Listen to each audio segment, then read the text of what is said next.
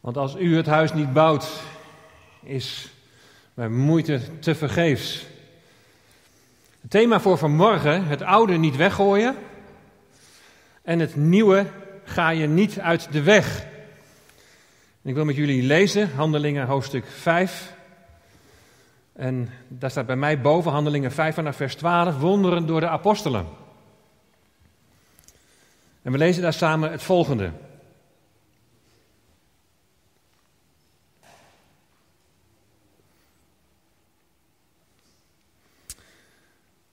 En er gebeurden door de handen van de apostelen veel tekenen en wonderen onder het volk. En ze waren allen eensgezind bijeen in de zuilengang van Salomo. En van de anderen durfde niemand zich daarbij hen aan te sluiten, maar het volk had grote achting voor hen. En er werden steeds meer toegevoegd die in de Here geloofden. Menigten, van zowel mannen als vrouwen. Zodat zij de zieken naar buiten droegen op de straten en hen op bedden en lichtmatten legden, opdat wanneer Petrus voorbij kwam, ook maar zijn schaduw op iemand van hen zou kunnen vallen. En ook de menigte uit de steden in de omgeving kwamen gezamenlijk naar Jeruzalem. Men bracht zieken en hen die door onreine geesten gekweld werden, en ze werden allen genezen. Tot zover de schriftlezing. Laten we samen bidden. Nou, Heer, we richten ons tot U. U bent onze God, U bent onze Heer, U bent onze Koning. We bidden ons tot U, Heer, om uh, de leiding van Uw Heilige Geest, Heer, als we ja, zo Uw woord gaan overdenken. Wilt U tot ons spreken? Wilt U het laten zijn tot opbouw van Uw gemeente, Heer? Leid ons zo. Want we kunnen van onszelf niets. Maar we zijn afhankelijk van wat U door Uw Geest in ons werkt. Zowel bij het spreken als ook bij het luisteren. Hier komt U tot Uw doel, in Jezus' naam. Amen.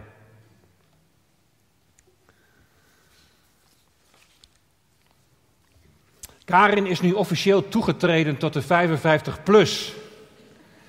Zoals we de oudere groep in onze gemeente noemen. Want ze is 26 oktober is, uh, 56 geworden. Ik ben nog niet zo ver. Voor mij duurt het nog tot februari. Dus ik hoor nog even bij de jongeren. Maar even alle gekheid op een stokje. Naarmate je ouder wordt. En daar betrap ik mijzelf in ieder geval op heb je de neiging om het vaker te hebben over hoe het vroeger was. Ik weet niet of jullie dat herkennen, die ook een beetje van dezelfde leeftijd of wat ouder zijn. En ik heb de kleinkinderen bijvoorbeeld dit apparaat laten zien. Misschien kan het even getoond worden. Dat is een eh, Je moet met een draaiknop moet je dan de, de zenders die moet je opzoeken. En zoals dat dan vroeger ging. En bovenop daar kun je LP's draaien. Weten de jongeren nog wat LP betekent? Nou, dat is de jonge mensen. LP, wat betekent dat? Nooit van gehoord. Een langspeelplaat. ja, een soort grote CD. Hè? En aan de, aan de zijkant, is het volgende plaatje, daar kun je dus in, inderdaad een cassettebandje in doen. En het huidige cassettebandje wat erin zit, is van onze trouwdienst van 1986. Maar aan de voorkant is er ook een plek voor een CD. En dan komen we al een klein beetje in onze tijd, alhoewel een CD natuurlijk ook alweer lang achterhaald is. En ja hoor, je kunt er ook nog, dat kun je aan de linkerkant zien, je kunt er ook nog een memory stick, een geheugenstick in doen. En zo verbind je een beetje oud met nieuw. Mijn vader die had dit apparaat, hij is vorig jaar in december overleden. En mijn moeder deed er eigenlijk niks mee. Ik zei, nou dat vind ik wel leuk, want Anders moet je al het oude moet je weggooien. Ik heb nog wel langspeelplaten, ik heb nog wel cassettebandjes. Hè, zoals van onze trouwdienst, maar ook van onze doopdienst en van allerlei andere dingen. Het is eigenlijk hartstikke jammer als je het weg moet gooien en niet kunt gebruiken. En tegelijkertijd kun je het ook voor het nieuwe gebruiken. Dus eigenlijk alles een beetje in één. Het oude gooi je niet weg en het nieuwe ga je niet uit de weg. Waar ik mezelf wel eens op betrap als ik het over vroeger ga hebben, dat is dat ik op moet passen dat ik niet alles van toen ga idealiseren. Zo'n houding van vroeger was alles beter. Nee, vroeger was wel heel veel anders. En soms is het goed om eens te reflecteren zo op die tijd. Wat ging toen beter en wat missen we nu eigenlijk? Wat hebben we wellicht weggegooid? Wat we eigenlijk hadden moeten behouden. Maar ga het niet idealiseren alsof toen alles volmaakt was. Het oude niet weggooien en het nieuwe niet uit de weg gaan. En hier moest ik een beetje aan denken toen, we, toen ik zo dacht van we zijn met elkaar bezig over gemeente zijn in het boek Handelingen.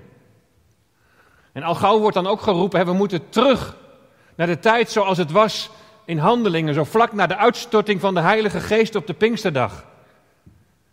Maar als je zegt dat je moet terugkeren, dan betekent dat dat je dus onderweg blijkbaar iets hebt weggegooid. Of je zou dan kunnen zeggen, we zijn op de een of andere manier, als we daar moeten terugkeren, zijn we toch op de een of andere manier zijn we afgeweken. Broeder Henk van der Belt, PKN-theoloog, die uh, zei in een lezing waar ik bij was, hij zei, zal God het jammer vinden dat wij als kerken niet kunnen samenkomen zoals we dat gewend zijn? Ja, wij vinden het jammer, maar dit is eigenlijk wel een hele diepe vraag.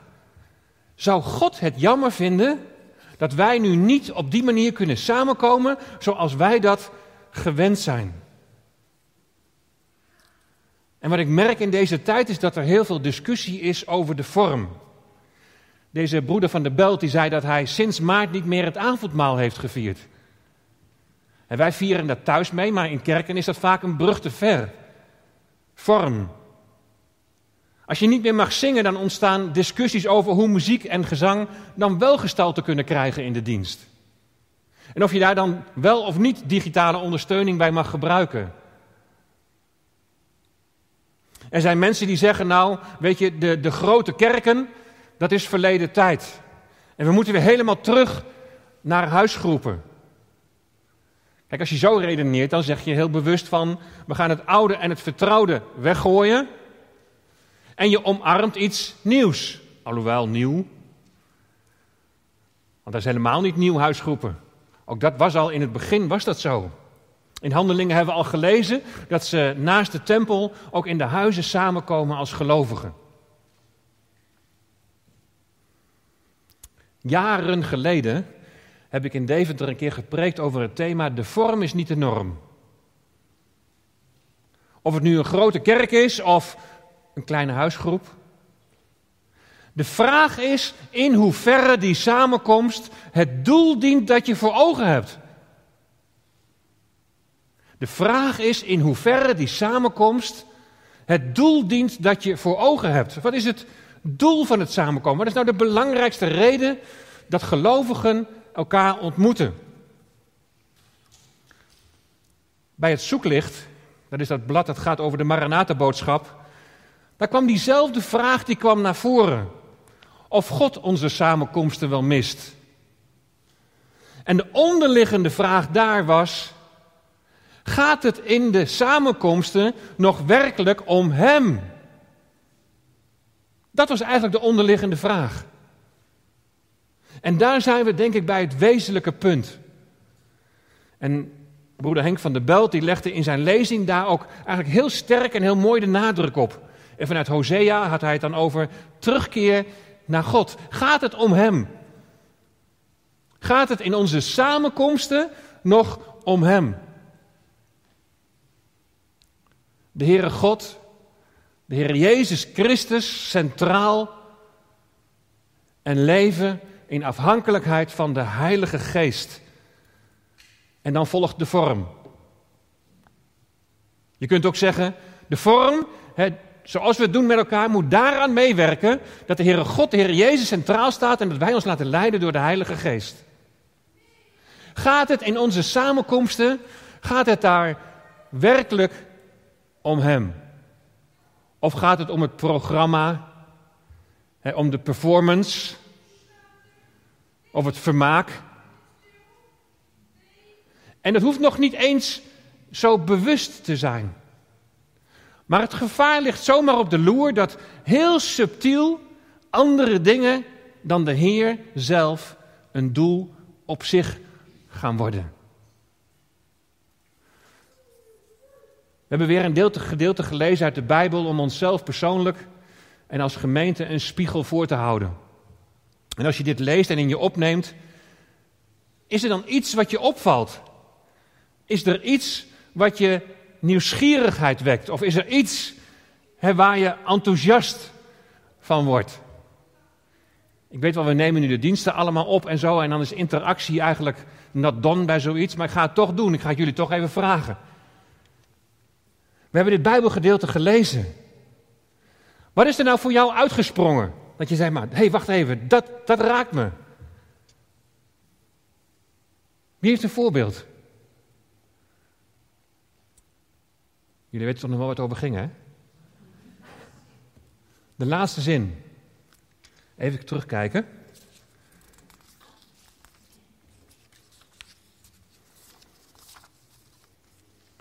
En ook de menigte uit de steden in de omgeving kwam gezamenlijk naar Jeruzalem en bracht zieken en hen die door onreine geesten gekweld werden en ze werden alle genezen. En dat sprong er voor jou uit. Oké. Iemand nog wat anders? 13b. Maar het volk had grote achting voor hen. Oké.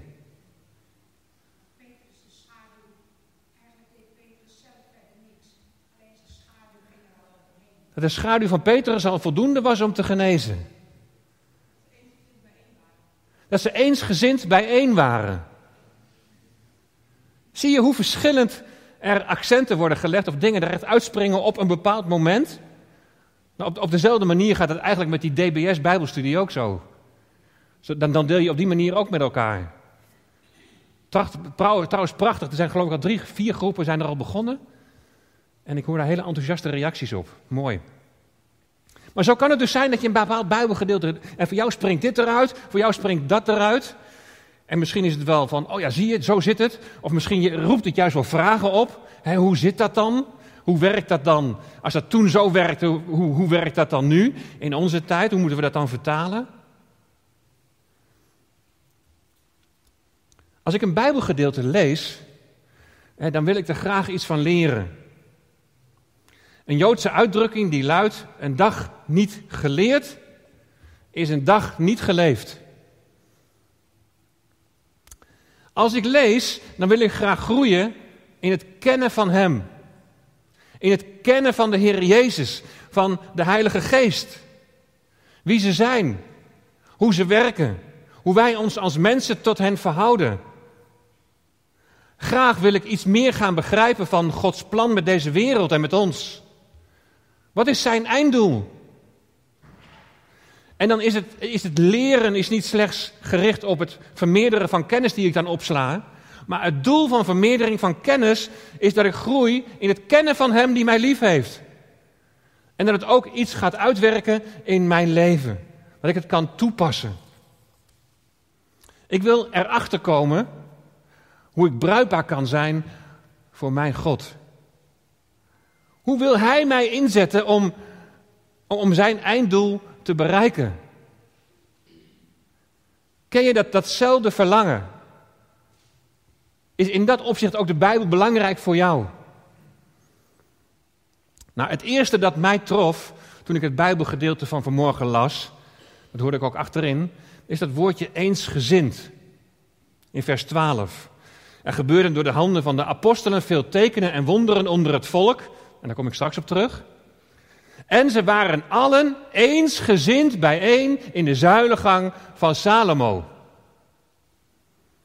Zoals we al eerder hebben gezien, komen de gelovigen na Pinksteren, voornamelijk Joden en Jodengenoten, die komen zowel in de tempel als in de huizen komen ze bijeen. En hier in vers 12 moet je je voorstellen dat de voortdurend groeiende gemeente, dat die na afloop van de morgenoffers en de avondoffers, dat ze zich in de zuilengang verzamelen en daar genieten van het onderwijs van de apostelen. En dan staat er, ze waren allen eensgezind. En ik vond het zo mooi dat Jacob al in zijn inleiding van vanmorgen, bij de opening van de dienst, al zo het gemeente zijn benadrukte en die eensgezindheid in de gemeente. En ook Jannie en Roderick, die hadden het eigenlijk over hetzelfde. Maar we hebben geen contact met elkaar gehad, we hebben elkaar niet gebeld van tevoren van wil jij dit doen of wil jij dat doen. Maar zo zie je hoe de geest van God leidt in die eenheid van onderwerpen. Eensgezindheid. Nou, we zijn al een paar keer zijn we dat woord uh, eensgezindheid zijn we in handelingen tegengekomen. Handelingen 1, vers 14. En dat is voorafgaand aan de Pinksterdag. Daar staat, deze bleven allen eensgezind volharden in het bidden en smeken met de vrouwen en Maria, de moeder van Jezus, en met zijn broers. Hier staat eensgezindheid in relatie tot gebed. Er is eensgezindheid, want ze bidden met verwachting. Ze bidden met een gezamenlijke verwachting. Het is nog voor Pinksteren, ze hebben een belofte ontvangen. De Heilige Geest zal over ons komen. We zullen kracht ontvangen en we zullen getuigen zijn van de Heer Jezus die opgestaan is uit de dood. Dus eensgezindheid heeft ook iets te maken met we hebben een gezamenlijke verwachting. De gezamenlijke verwachting, de Heilige Geest komt over ons. En eensgezindheid heeft ook te maken met het gericht zijn op een gezamenlijk doel dat je voor ogen hebt. Wij zullen zijn getuigen zijn. Dat was de belofte. Die eensgezindheid, die is dus niet allereerst gericht op allerlei uh, gezamenlijke theologische overtuigingen. Maar het is een kwestie van, van je ervan bewust zijn dat God aanwezig is. En dat Hij ons als gemeenschap, dat Hij ons wil inschakelen bij het realiseren van zijn einddoel. Herken je dat verlangen? Zit je zo ook in de gemeente? In het volgende vers in Handelingen naar Pinksteren, dat is dan na Pinksteren, komt die eensgezindheid weer opnieuw terug. Handelingen 2, vers 46. En ze bleven dagelijks eensgezind in de tempel bijeenkomen. En terwijl ze van huis tot huis brood braken, namen ze gezamenlijk voedsel tot zich met vreugde en in eenvoud van hart.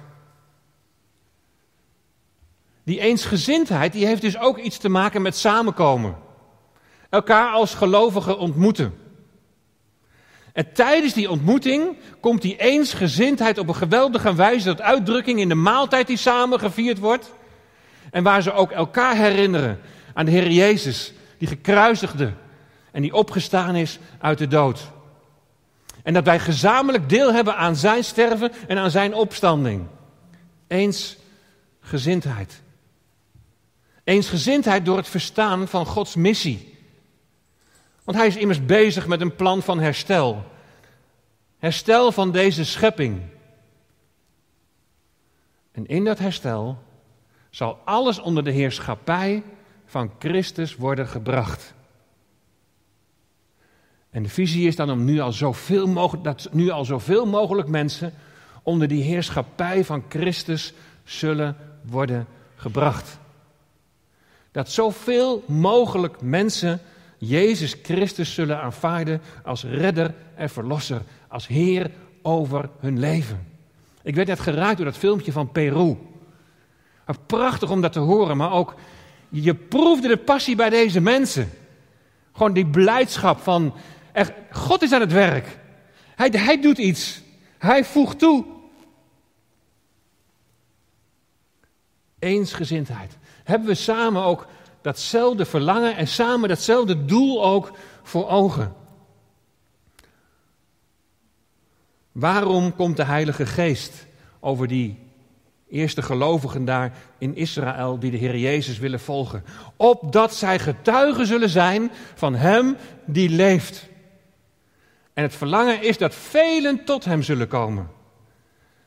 En, en dat gebeurt dan ook, dat lezen we in vers 14 namelijk. En er werden steeds meer toegevoegd die in de Here geloofden. Menigten van zowel mannen als vrouwen.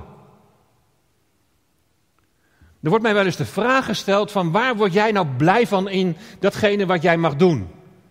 Ik zeg, weet je wanneer ik blij word? Als ik zie dat God aan het werk is. Op wat voor manier dan ook. Dat geeft zo'n energie. Maar dan zien we dat er een tweedeling ontstaat. Zij die tot geloof komen en zich onder het onderwijs van de apostelen scharen, maar er zijn ook anderen. En van de anderen durfde niemand zich bij hen aan te sluiten. Maar het volk had grote achting voor hen. Nou zitten we wel een beetje met een probleem, want wie zijn nou die anderen? En de meningen van de uitleggers die zijn nogal verdeeld. Zijn het Joden in het algemeen die nog niet tot geloof gekomen zijn, maar wel grote achting hebben voor de apostelen en de gelovigen die van die weg zijn? Dat zou kunnen. Maar in de context zou het ook heel goed kunnen dat het gaat om de geestelijke leiders. Die op een afstandje blijven en dat het volk nog wel grote achting had voor hun geestelijke leiders. Maar hoe het ook zij, of het nou het een is of, of het ander is, die anderen, dat zijn in ieder geval zijn het religieuze mensen. Ze komen immers in de tempel. Maar die gemeenschap, die ze zo zien bij die gelovigen die van die weg zijn, die gemeenschap, zoals ze dat daar zien, zo kennen zij dat niet. Het diepe verlangen om onder het gehoor te zijn van, van, van de leer van de apostelen. En straks gaan ze weer naar hun huizen. Ze ontmoeten elkaar dagelijks. Ze komen samen, volharden in het gebed. dat laten ze niet aan de professionals over tijdens het ochtendgebed en het avondgebed. Ze delen met elkaar zodat niemand gebrek heeft. Een gemeente die, die laat zien, die in de praktijk laat zien hoe het is om als gemeente huisgezind te zijn. Eensgezind zijn ze samen onderweg. Het mooie van vroeger, de gang naar de tempel gooien ze niet weg. Ook dat is een belangrijk moment van gemeenschap. Een vast moment van gebed. Samen onder het woord zijn. Maar ze gaan ook het nieuwe niet uit de weg. Ze investeren niet langer in de tempelschatten, maar ze investeren in elkaar. En zo ontstaat een organische gemeenschap die in zichzelf al een getuigenis is van de opgestane Heer. Ze laten met elkaar, laten ze dat nieuwe leven zien. Eensgezindheid en steeds meer worden toegevoegd die in de Heer geloofden, menigten van zowel mannen als vrouwen. Herken je dit? In die gemeente deelnemen als die gemeente als, als, als een huisgezin. Dat je samen eensgezind optrekt met hetzelfde doel voor ogen. Maar die mensen in die zuilengang die kenden dat. Maar die anderen, die staan eigenlijk een beetje op een afstandje te kijken, zijn wel religieus. Je kunt wel heel kerkelijk zijn, dat je heel trouw de kerkdiensten bezoekt.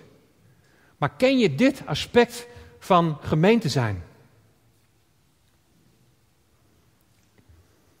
Nou, naast deze aspecten van eensgezindheid en vermenigvuldiging zie je ook nog een ander aspect, namelijk dat door de handen van de apostelen veel tekenen en wonderen onder het volk gebeuren. Voor Joden die tekenen verwachten, want de Joden verwachten immers tekenen en de Grieken die verwachten wijsheid. Maar voor de Joden die tekenen verwachten en die nog gericht zijn op het komende koninkrijk voor Israël, is het heel normaal dat de verkondiging gepaard gaat met wonderen en tekenen, die, die een kenmerk, of die wel een heel belangrijk kenmerk zijn van dat komende koninkrijk voor Israël. Maar hoe zit dat nou in onze tijd? En weet je, daar wordt best wel heel verschillend over gedacht. Hebben we net die eensgezindheid zo benadrukt? Dan loop je maar net kans, als je het over zo'n onderwerp gaat hebben, dat in één keer die eensgezindheid weer onder druk komt te staan. Toch wil ik het niet uit de weg gaan en toch graag hierover iets, iets zeggen. En daar ook graag over met elkaar in gesprek blijven. Laten we het eens even, even heel rustig op een rijtje zetten. Allereerst deed de Heer Jezus wonderen en tekenen. En daarover kun je lezen, heel uitgebreid in de Evangeliën. Het woord wonderen staat in de Bijbel overigens nooit los van dat woordje tekenen. Als de Heer Jezus een wonder deed, dan was dat een teken. Het ging niet alleen om het wonder op zich, maar het had een betekenis. Het duidde ergens op. Hij deed het om, om iets te verduidelijken. Als de Heer Jezus bijvoorbeeld sprak over het licht van de wereld, dan genas hij een blindgeborene. Er zijn tekenen die wijzen, hè, zoals bij de kreupelen bij de tempel, die wijzen dan op het herstel en de oprichting van Israël. Als grote groepen worden genezen, ook dat zien we, dan laat Jezus al zien hoe het zal zijn als ze Hem als koning aanvaarden en daarmee het koninkrijk voor Israël zal aanbreken. En deze tekenen, die hebben met elkaar hebben die een algemeen doel. En Johannes die verwoordt dat heel mooi in Johannes 20, vers 30 en 31. Het doel van de wonderen en tekenen. Daar staat, Jezus nu heeft in aanwezigheid van zijn discipelen nog wel veel andere tekenen gedaan, die niet beschreven zijn in dit boek. Maar deze zijn beschreven opdat u gelooft dat Jezus de Christus is, dat Jezus de Messias is, de Zoon van God, en opdat u door te geloven het leven zult hebben in zijn naam. Net zoals alle aspecten van een samenkomst niet een doel in zichzelf moeten worden, geldt dit ook voor de wonderen en tekenen dat die ook niet een doel in zichzelf moeten worden. Het doel is geloof, opdat mensen tot geloof komen en Jezus Christus erkennen als Messias, als de levende. We gaan een stapje verder. In Lucas 9, vers 1 geeft de Heer Jezus volmacht aan zijn discipelen. Hij geeft ze kracht en macht over alle demonen en om ziekten te genezen. Weer een stapje verder, in Lucas 10, vers 19, geeft hij diezelfde volmacht aan 70 anderen die hij uitzendt. En Lucas 10, vers 19. Zie, ik geef u macht om op slangen en schorpioenen te trappen en de macht over alle kracht van de vijand en niets zal u schade toebrengen. Jezus geeft deze volmacht aan bepaalde mensen discipelen, mensen die tot het Joodse volk behoren. En hij geeft die, die volmacht in bepaalde omstandigheden als ze hier worden uitgezonden. De grote vraag is, geeft de Heer Jezus of heeft de Heer Jezus diezelfde volmacht ook aan jou en mij gegeven? Want ik zei al, als ik de Bijbel lees, dan wil ik daar graag iets van leren. En ook wil ik daar graag iets van leren als ik daarin iets moet toepassen. Maar het enige Bijbelgedeelte dat hier bevestigend op lijkt te antwoorden, dat is Marcus 16, vers 17 en 18. Daar staat, en hen die geloofd zullen hebben. Dus er wordt niet specifiek over de apostelen gesproken, maar in het algemeen hen die geloven.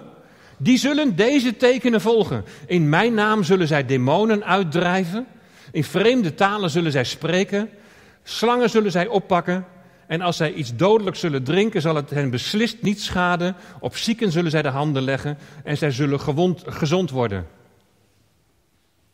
En die dingen zie je ook precies allemaal in handelingen gebeuren. Het feit dat je, dat je dat alleen hier leest, maakt me wel wat voorzichtig. Wat wordt hier nou precies bedoeld? Wat wil het nou zeggen dat dit, dat plaatsvindt vlak na de opstanding in Jeruzalem? En waarom zegt de Heer Jezus er niets over als hij later tegen zijn discipelen in Galilea alleen maar zegt: Ga dan heen, maakt al de volken tot mijn discipelen en doopt hen en onderwijst hen. Hoe zit het nou? Nou weet je, je moet die tekst van Marcus 16 nog maar eens goed op nalezen. Maar als deze beloften, als een absolute belofte, betrekking hebben op jou en mij, dan zou dat betekenen dat op welke zieke we ook maar de handen leggen, dat die zal genezen. Maar tegelijkertijd zien we dat de praktijk anders is. Want er is net al voor, voor een lijstje zieken gebeden. Nou, lijstje, Doen we dan iets verkeerd of is er iets aan de hand? Wat is dan de praktijk? Nou, we hebben gelezen in vers 12. En er gebeurden door de handen van de apostelen veel tekenen en wonderen onder het volk. Dat hebben we ook eerder gelezen in Handelingen 2, vers 43. En er kwam vrees over iedereen en er werden veel wonderen en tekenen door de apostelen gedaan. Gebeuren tekenen en wonderen dan alleen maar door de apostelen? Maar kijk maar even mee. Vier situaties waar Petrus bij betrokken is. En de volgende vier situaties waar Paulus bij betrokken is. Zelfs de schaduw van Petrus hebben we gelezen. En later kun je ook al lezen over de zweetdoeken van Paulus. Die zijn al voldoende om mensen te genezen. Maar hier zie je ook nog, bij de volgende, zie je twee uitzonderingen. Geen apostelen. Stefanus en Filippus. Nou, daar zal ik volgende week op terugkomen als we Handelingen 6 gaan lezen. Want dan is het misschien toch niet zo vreemd dat zij ook in hetzelfde rijtje worden genoemd. Hoe het ook zij, je leest nergens dat door de hand van iedere gelovige tekenen en wonderen gebeurden. En ik heb de rest van het Nieuwe Testament, en dat kun je nu mooi digitaal doen, helemaal doorgescrolld en doorgelezen en doorgeploegd. En dan lees je daar nauwelijks iets over tekenen en wonderen. Ja, Paulus die schrijft bijvoorbeeld in de brief aan de Corinthiërs, maar dan gaat het dus weer over Paulus de apostel, dat hij tekenen, wonderen en krachten heeft verricht. En dan vertelt hij dat om daarmee te bewijzen dat hij een apostel is. Want er waren mensen die twijfelden daaraan. Is hij wel echt een apostel? Nou zegt hij, ik heb het teken van een apostel heb ik gedaan. Tekenen en wonderen zijn gebeurd. 2 Korinthe 12, vers 12. Weet je, ik kan niet anders dan concluderen dan wat Jezus en de apostelen in de evangeliën en handelingen verrichten, niet zomaar als absolute volmacht overgegaan is aan ons. Wel wordt er natuurlijk gesproken in de eerste Korinthebrief over de gaven van de geest. En ook over de gaven van genezing. En in Jacobus 5 lees je over, over zalving en gebed door de oudsten. Opdat de zieke zal genezen, zal herstellen. In Jacobus 5. Maar als ik de evangeliën lees en een groot deel van het boek Handelingen, dan lees ik dat in de context van Gods bemoeienis met Israël. Zijn doel om het koninkrijk in Israël te vestigen, waar dan de Messias zal regeren. En ik zie zo, en ik zie het zo dat die wonderen en dat die tekenen daar allereerst mee in verband staan. Weet je, als dat wat de apostelen deden, als dat nu ook voor ons zou zijn weggelegd, het absolute van leg de handen maar op en niemand zal genezen, of drink maar dat drankje en je zult er, geen last van hebben. Als dat zo zou zijn, dan zouden we de IC's van, van, van de ziekenhuizen moeten bestormen. En dan was de hele druk op de zorg was zo in één keer verdwenen. Maar de praktijk laat anders zien. Tja, zullen mensen dan zeggen die vinden dat wij wel die volmacht hebben. Je laat mogelijkheden liggen als je het niet doet. Weet je, waar gezondheid echt wordt geclaimd, daar gebeurt dat vaak op basis van teksten uit het Oude Testament die in relatie staan tot Israël.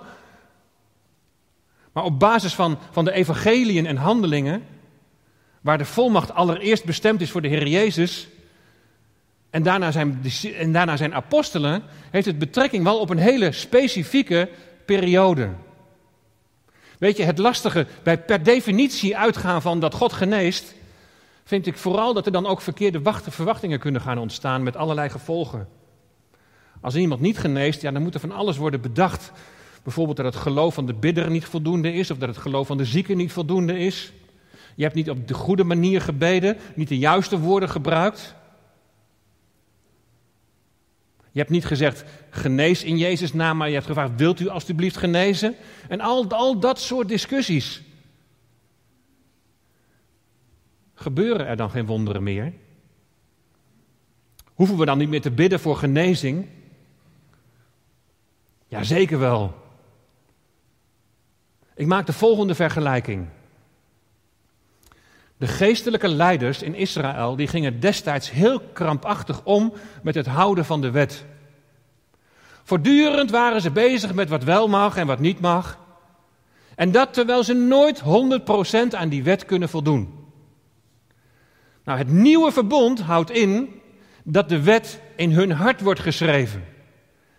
En dat ze geleid door en in de kracht van de Heilige Geest God zullen gehoorzamen. Nou, wat ik nou bij het per definitie verwachten van genezing zie, is een beetje diezelfde wetmatigheid als bij de fariseeën en de schriftgeleerden. Als ik dit doe, dan doet God dat. Ik moet op de goede manier bidden, niet vragen, maar genezing uitspreken. Ik moet voldoende geloof hebben. En ik zeg niet dat je geen geloof moet hebben. Maar de nadruk ligt zo sterk dan op wat ik allemaal moet doen en op de goede manier moet doen. En als ik het precies goed doe en goed verwoord, dan zal God verhoren. En als hij niet verhoort, ja, dan moet daar wel een reden voor zijn. Nou, als Paulus schrijft over de gaven van genezing, en ik heb al eerder eens een Bijbelstudie gegeven over die gaven van de geest, dan geloof ik dat God dat wil geven, maar hij geeft dat op zijn moment.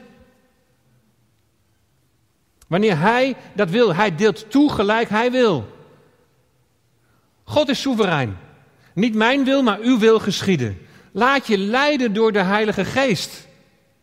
En zoals hij zijn wet legt in de harten van gelovigen en ze zo wil leiden in gehoorzaamheid, zo kan hij ook op je hart leggen, maar, ik moet nu voor jou of voor jou moet ik bidden. Als iemand ziek is, dan maak je dat toch bewogen. En vanuit die bewogenheid mag je iemand in gebed bij de Heer brengen. En, en laat los dat God de ene keer wel en de andere keer niet geneest. Weet je, als die kreupele man geneest, dan, dan zegt Petrus in Handelingen 3, vers 12: Waarom kijkt u ons zo doordringend aan alsof wij door eigen kracht of godsvrucht hebben bewerkstelligd dat deze man nu loopt? Het is niet mijn kracht, het is niet mijn godsvrucht. Ik heb wel eens wonderen meegemaakt, een wonder meegemaakt, en dat ik achteraf bij mezelf dacht, nou als het aan mijn geestelijk leven op dat moment had gelegen, nou dan was het nooit gebeurd. Maar Gods genade was groter. Het is door de naam van Jezus Christus. Zoals een, een samenkomst een doel op zich kan worden, kan ook genezing zomaar een doel op zich worden. Eensgezind is daar waar wij één zijn in de naam van Jezus. Eensgezind in gebed, omdat wij verwachting hebben dat God in ons midden zal werken. En hoe hij dat doet, dat laten we los. Laten we voortdurend de vraag stellen of we iets dat oud is ten onrechte hebben weggegooid we gooien Gods kracht tot genezing, gooien we niet weg. bijna alle dopelingen uit Iran die hier laatst zijn gedoopt, die getuigden van een wonder in hun leven. En het waren niet hun juiste woorden of hun godsvrucht, maar er was een moment in hun leven dat ze de naam van Jezus aanriepen. God geeft op zijn tijd en hij wacht niet op onze claim. De les voor vanmorgen in de spiegel kijkend van de gemeente, zo vlak na Pinksteren, is: wees eensgezind. Neem de gezindheid van Christus aan en achter anderen uitnemende dan jezelf. Wees huisgezin van God. In wat voor vorm dan ook. Bid met elkaar, bid voor elkaar. Bid met verwachting dat God door zijn geest, dat Hij in ons midden zal werken. Bid dat Hij zal toevoegen aan de kring die behouden zal worden. Het oude, hè, wat je leert van die gemeenschap zo vlak na Pinksteren, gooi je niet weg. En het nieuwe, wat we van die gemeenschap mogen leren, ga je niet uit de weg. Zou je daar gewoon voor jezelf eens over na willen denken? Wat dit voor jou betekent. En bespreek het ook gewoon eens zo met elkaar. Weet het is een bijzondere tijd waar we in leven. Ik ben net zo geraakt even door dat lied wat Linda had uh, opgegeven zo aan het eind. Heer, ik kom tot u, neem mijn hart, verander mij. Als ik u ontmoet, dan vind ik rust bij u. En dat we dat in deze gekke tijd nodig. Dat we rust vinden aan de voeten van de Heer Jezus. Sommige liederen hebben een herinnering. Ik weet nog jaren geleden, toen de kinderen nog klein waren, waren we op vakantie in Frankrijk. Zo'n hele oude kerk. Stampvol met mensen. En er was een Belg.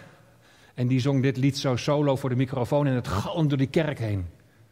Het was, het was ja, zo'n geweldig moment. En ik moest even denken aan die volle kerk. En die mensen die met elkaar zingen. We leven in zo'n gekke tijd. Ik zou willen zeggen, wees eensgezind. Hou vol. En besef, God is voor je. God is naast je. God is altijd om je heen.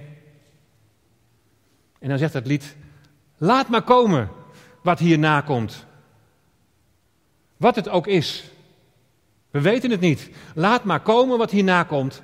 Want Hij laat je nooit alleen. Hij laat ons nooit alleen. Hij bouwt zijn gemeente. Amen. Zullen we samen bidden? Trouwe God, Hemelse Vader.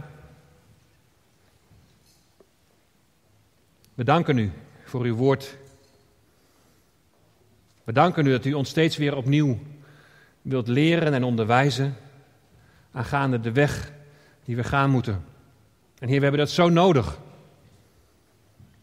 Heer, en vanmorgen hebt u ons laten zien hoe belangrijk het is dat wij samen eensgezind van datzelfde verlangen die weg gaan. Dat we samen bidden met verwachting, omdat we geloven dat u in ons midden wilt werken. Dat we samen bidden met verwachting, opdat u zult toevoegen aan de kring die behouden worden. Heer, we zien uit naar wat u gaat doen. Heren, laat het maar komen.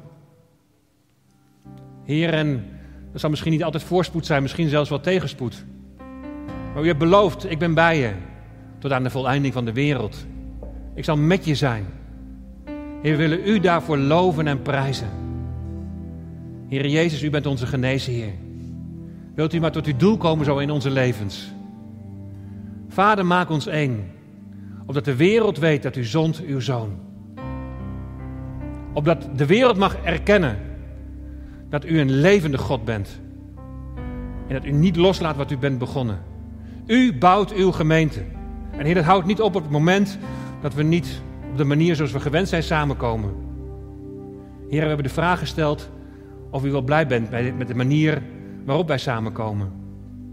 Heer, leid ons daarin. Heer, we hebben het verlangen dat uw naam groot gemaakt en verheerlijkt wordt.